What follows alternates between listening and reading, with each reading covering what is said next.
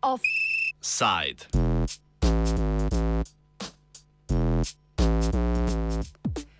Preobrati lokalnih volitev. Super volilnega leta je z drugim krogom lokalnih volitev končno konec. Občani in občanke so se na volišča ponovno podali v 47 od 212 občin. Volilna udeležba v drugem krogu je bila 42 odstotna, kar je nekoliko manj kot v prvem krogu, ko je na volitvah v mestne in občinske svete glasovalo 47 odstotkov volilnih upravičencev. Schnaps, motherfucker, to je schnaps.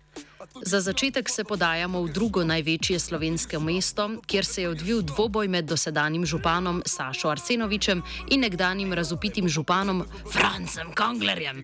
Kot so že nakazovale ankete, je županski stolček ponovno osvojil Arsenovič, ki je prejel 61 odstotkov glasov. Žal si gospod Arsenovič za našo redakcijo ni vzel časa za od odgovor na nekaj novinarskih vprašanj. Če ta prerok je res in če bo prišlo do tega, če bom lahko stopil čez, normalen, vsak šok. Gotovo največje presenečenje drugega kroga lokalnih volitev je zmaga Matije Kovača v občini Celje. Kovač je mandat osvojil s slabimi 58 58 odstotki glasov in premagal dolgoletnega župana Bojana Šrota, ki je Celju vladal kar 24 let. Kovač je za radio študent odgovarjal, zakaj mu je uspelo premagati dolgoletnega župana.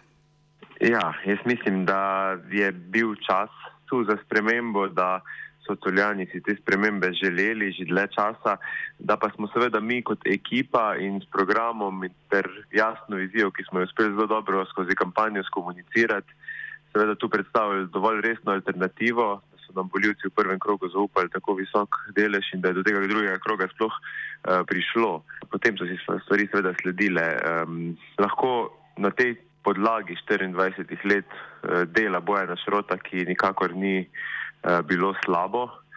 Je pa res, da v zadnjih letih na nekaterih področjih cel je kar precej zaspalo. Eh, imamo en trden temelj za delo na tistih prioritetah, ki smo jih tudi izpostavljali. Kot rečeno, mislim, da, da so si ljudje te spremembe že nekaj časa želeli, da se je ta politična struktura čisto kadrovsko in programsko nekoliko izpela in da pač po, po določenih ciklih seveda morajo priti uh, nove rešitve.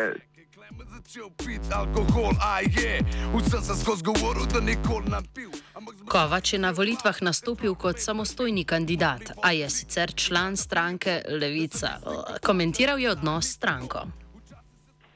Jaz sem eh, član stranke Levica, dva mandata sem bil občinski svetnik te stranke, um, sem eh, predstavnik te politike na lokalnem nivoju, pa seveda zadeve in komunikacija poteka bistveno širše in župan je funkcija, ki mora zagotavljati iskanje najmanjšega skupnega imenovalca večine. E, večina voljivcev mi je zaupala kot neodvisnemu kandidatu in to delo bom absolutno na tak način tudi upravljal. Moja ekipa, ki mi je pomagala skozi to kampanjo in stala ob strani, je sestavljena iz ljudi različnih političnih e, prepričanj, profilov, predvsem gre za aktivne občane iz kulture, športa, gospodarstva, e, tako da to je baza za naše delo. V celju se ni zgodil edini poraz dolgoletnih županov. Po 12 letih je v Ilirski bistrici s slabimi 64 odstotki glasov Emila Rojca premagal dosedani profesor na Univerzi na Primorskem Gregor Kovačič.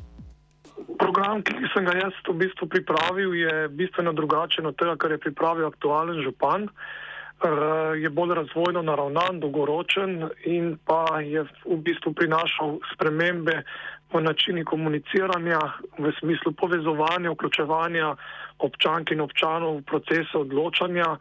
Uh, in to je nekaj, kar so voljivci in voljivke prepoznali in so nas tudi tako, visti, oziroma so me množično podprli v drugem krogu. No. In se veselim sodelovanja uh, z vsemi v občinskem svetu. Ker je tudi prišlo do zelo pomembne spremembe. Namreč občinski svet ima 14 novih občinskih svetnic in svetnikov od 23 in zelo se je tudi starostno pomladil. Kovačič je dejal, da se bo v svoji politiki odmaknil od dosedanje, ki jo je vodil Rojc. To bo storil tudi na področju ravnanja z begunci, proti katerim je Rojc neredko podpihoval sovraštvo.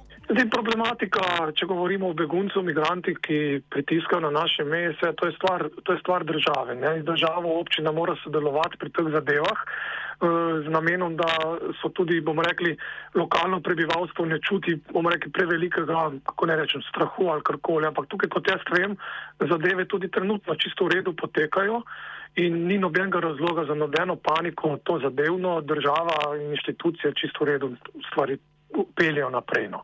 Absolutno pa retorika se bo spremenila na vseh področjih, tako da tudi v, v povezavi s tem vprašanjem. Mesece šnopce se semile zelene. Podobni situaciji smo bili priča tudi na Bledu, kjer je županski stolček prevzel Anton Mežan, poznan tudi kot čarodej Toni. Premagal je Janeza Fajfarja, ki je služil štiri mandate. Ja, vesel sem te zmage. Dejstvo je, da sem res prvič kandidiral za župana, vendar potrebno je vedeti, da sem že štiri mandate bil član občinskega sveta občine Bled, zadnja dva mandata z najmočnejšo listo in pa tudi vmes dva mandata podžupan. Torej, nisem nek novi, ampak predvsem preverjen obraz. Zakaj pa se vam zdi morda, da vam je uspelo in ste premagali nasprotnika? Jaz sem pripričan, zato ker so spoznali, da imam v politiki res iskrene namene, da sem že v preteklosti delal dobro in bil predvsem učinkovit, kar pomeni, da so občanke in občani, uh, vsi tisti, ki so se name obračali z raznimi problemi in težavami, videli, da se za vsako stvar zauzamem in da se na koncu vidijo tudi rezultati. In na ta način, kot sem delal do sedaj, želim delati tudi kot župan občine Bled.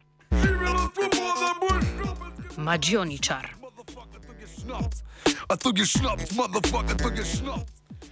Na lokalnih volitvah je največ županskih mest zasedla slovenska ljudska stranka. V prvem krogu se je s podporo SLS na funkcijo zavihtelo 13 županov, v drugem krogu pa še dva. Sledijo jim socialni demokrati s skupno 14 župani. Na prvi pogled nizek rezultat je dosegla največja parlamentarna stranka Gibanje Svoboda s tremi župani, a je mnogo zmagovalcev podprla, prav tako pa je osvojila dobro bero svetniških stolčkov, predvsem v mestnih občinah. Uradno si nobenega kandidata ni uspela prisvojiti koalicijska levica. V drugem krogu so bili sicer najuspešnejši župani, ki so se za funkcijo potegovali s podporo voljivcev, takšnih je bilo kar 35 kandidatov in kandidatk. Med strankami je bila v drugem krogu najuspešnejša SD s štirimi izvoljenimi župani. Pridem not, fuck, premislil sem se, da je meni dvojni šnop. Med novo izvoljenimi župani, ki so kandidirali za gibanje Svoboda, je tudi samo Turel, ki je v Novi Gorici premagal Klemna Miklaviča. Ta se je na stolčku obdržal le en mandat. Uh, z zmago sem seveda zelo zadovoljen, vesel, ne samo z mojo zmago kot uh, novim županom, temveč tudi z uspehom, ki ga je gibanje Svoboda doseglo v Novi Gorici. Imamo 14 mestnih svetnikov, kar je pravzaprav rekorden rezultat v zgodovini tisti, ki so imeli največ svetnikov do zdaj, jih je bilo devet. Tako da je to res navdihujoče, polno energije, hkrati pa tudi velika odgovornost, da bomo tisto, kar smo zastavili v programu, tudi izpeljali. Torela sta v drugem krogu podprli tudi Levica in Nova Slovenija. To pa je plot dela plot tega, da smo odprti, da se pogovarjamo in da so, po moji oceni, vse liste in stranke, ki so me v tem drugem krogu podprli in s katerimi smo sklenili sporazum, prepoznali kot tista pravega kandidata, ki bo eh, Novo, Novi Gorici prinesel ta prepotrebni napredek in hkrati, da smo uh, vse stranke in liste pripravljene, ključne projekte, za razvoj Nove Gorice, ki jih pravzaprav zastopamo vsi tudi skupaj izpeljati. V bistvu lahko priznam, da popijem ga preveč, ampak me so včasih. Na tokratnih lokalnih volitvah je bilo izvoljenih 29 župan, kar je največ žensk na tej funkciji do sedaj. Še zmeraj pa je to zgolj slabih 14 odstotkov izvoljenih žensk v 212 občinah. Na prvih lokalnih volitvah, ki so potekale 1994, sta bili izvoljeni zgolj dve župani. Šele pred štirimi leti je število žensk na tej funkciji preseglo 20. Med 47 občinami, v katerih je potekal drugi krok lokalnih volitev, je bilo na funkciji funkcijo župana izvoljenih 41 moških in 6 žensk, med njimi tudi Henrika Zupan, novo izvoljena županja v občini Kranska Gora. Uh, moram reči, no, da letošnje volitve so bile nekaj posebnega. Prvič zaradi tega, ker je res v občini Kranska Gora prvič kot uh, županska kandidatka nastopila tudi ženska, to se pravi jaz. Uh, volitve so potekale, bom rekla, pač volilna kampanja v redu, umirjeno, morda v zadnjem tednu malo bolj agresivno z nasprotnikove strani, ampak nič kaj posebnega. Uh, volilni rezultat sem pričakovala, da bo bolj tesen, tako da se je uh, ta izkazal zelo meni v prid, tako da je bila razlika kar dosti velika. Uh, glede na to, no, pa ženske v politiki res niso, bom rekla, močno zastopane, uh, sem vesela, da se morda spreminja trend in uh, bi bila vesela, no, da bi bile ženske bolj aktivne v politiki. Zupan se je na lokalne volitve podala prvič, prav tako se je s kandidaturo prvič vključila v politiko.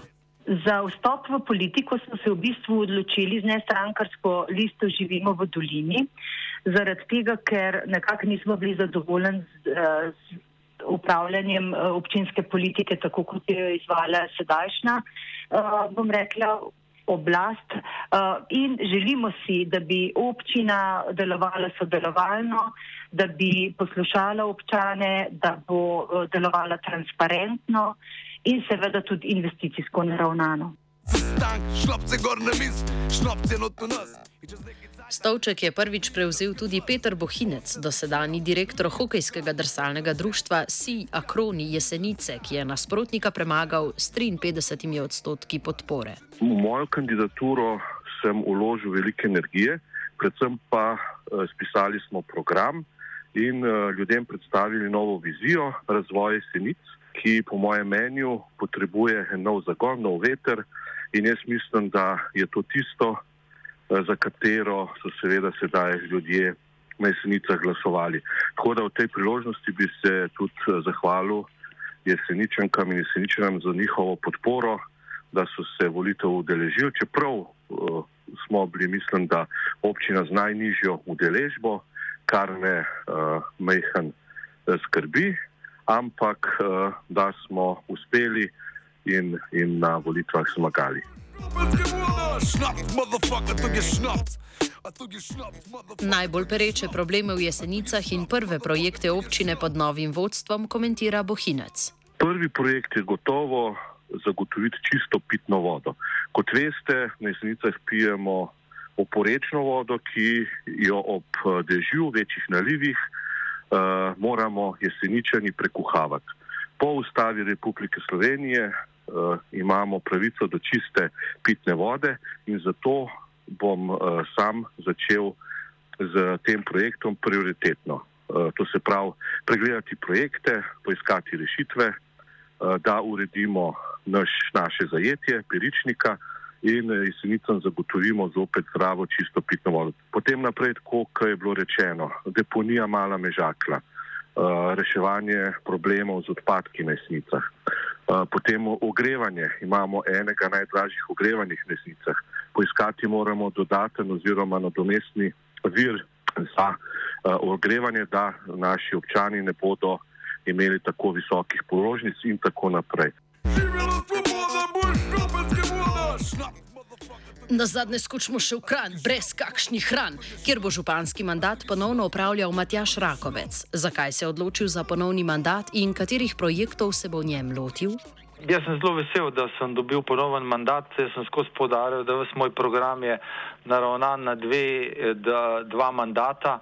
In na, nekako rak rana kranja je bilo, da so se župani menjali po štirih letih, potem seveda pride do zamenjave na vrhu, do zamenjave tudi celotne strategije izvajanja prioritet in zato se dejansko kran nikamor ni premaknil. Lahko rečem, da je razvo zaostal v razvoju. Mm, poglejte, mi imamo res slabe pogoje, kar se tiče za starejše, koncertne dvorane, kran nima, tudi na športnih objektih. Zdaj pa imamo mm, lepo strategijo, veliko projektov smo v prvem mandatu rešili, te ta velči pa seveda bodo uh, se reševali v tem mandatu. Živela svoboda, boj škopenske voda! Po letu mnogih volitev, od predsedniških, državno-zborskih pa vse do lokalnih, si bomo lahko končno odpočili od mnogih kandidatov in preobratov, ki smo jim bili priča na političnem prizorišču. Živela svoboda, bolj šnopska voda, ampak bohinc ne misli tako, v jesenicah šnopca ne bo, vode pa ful bo ful skus.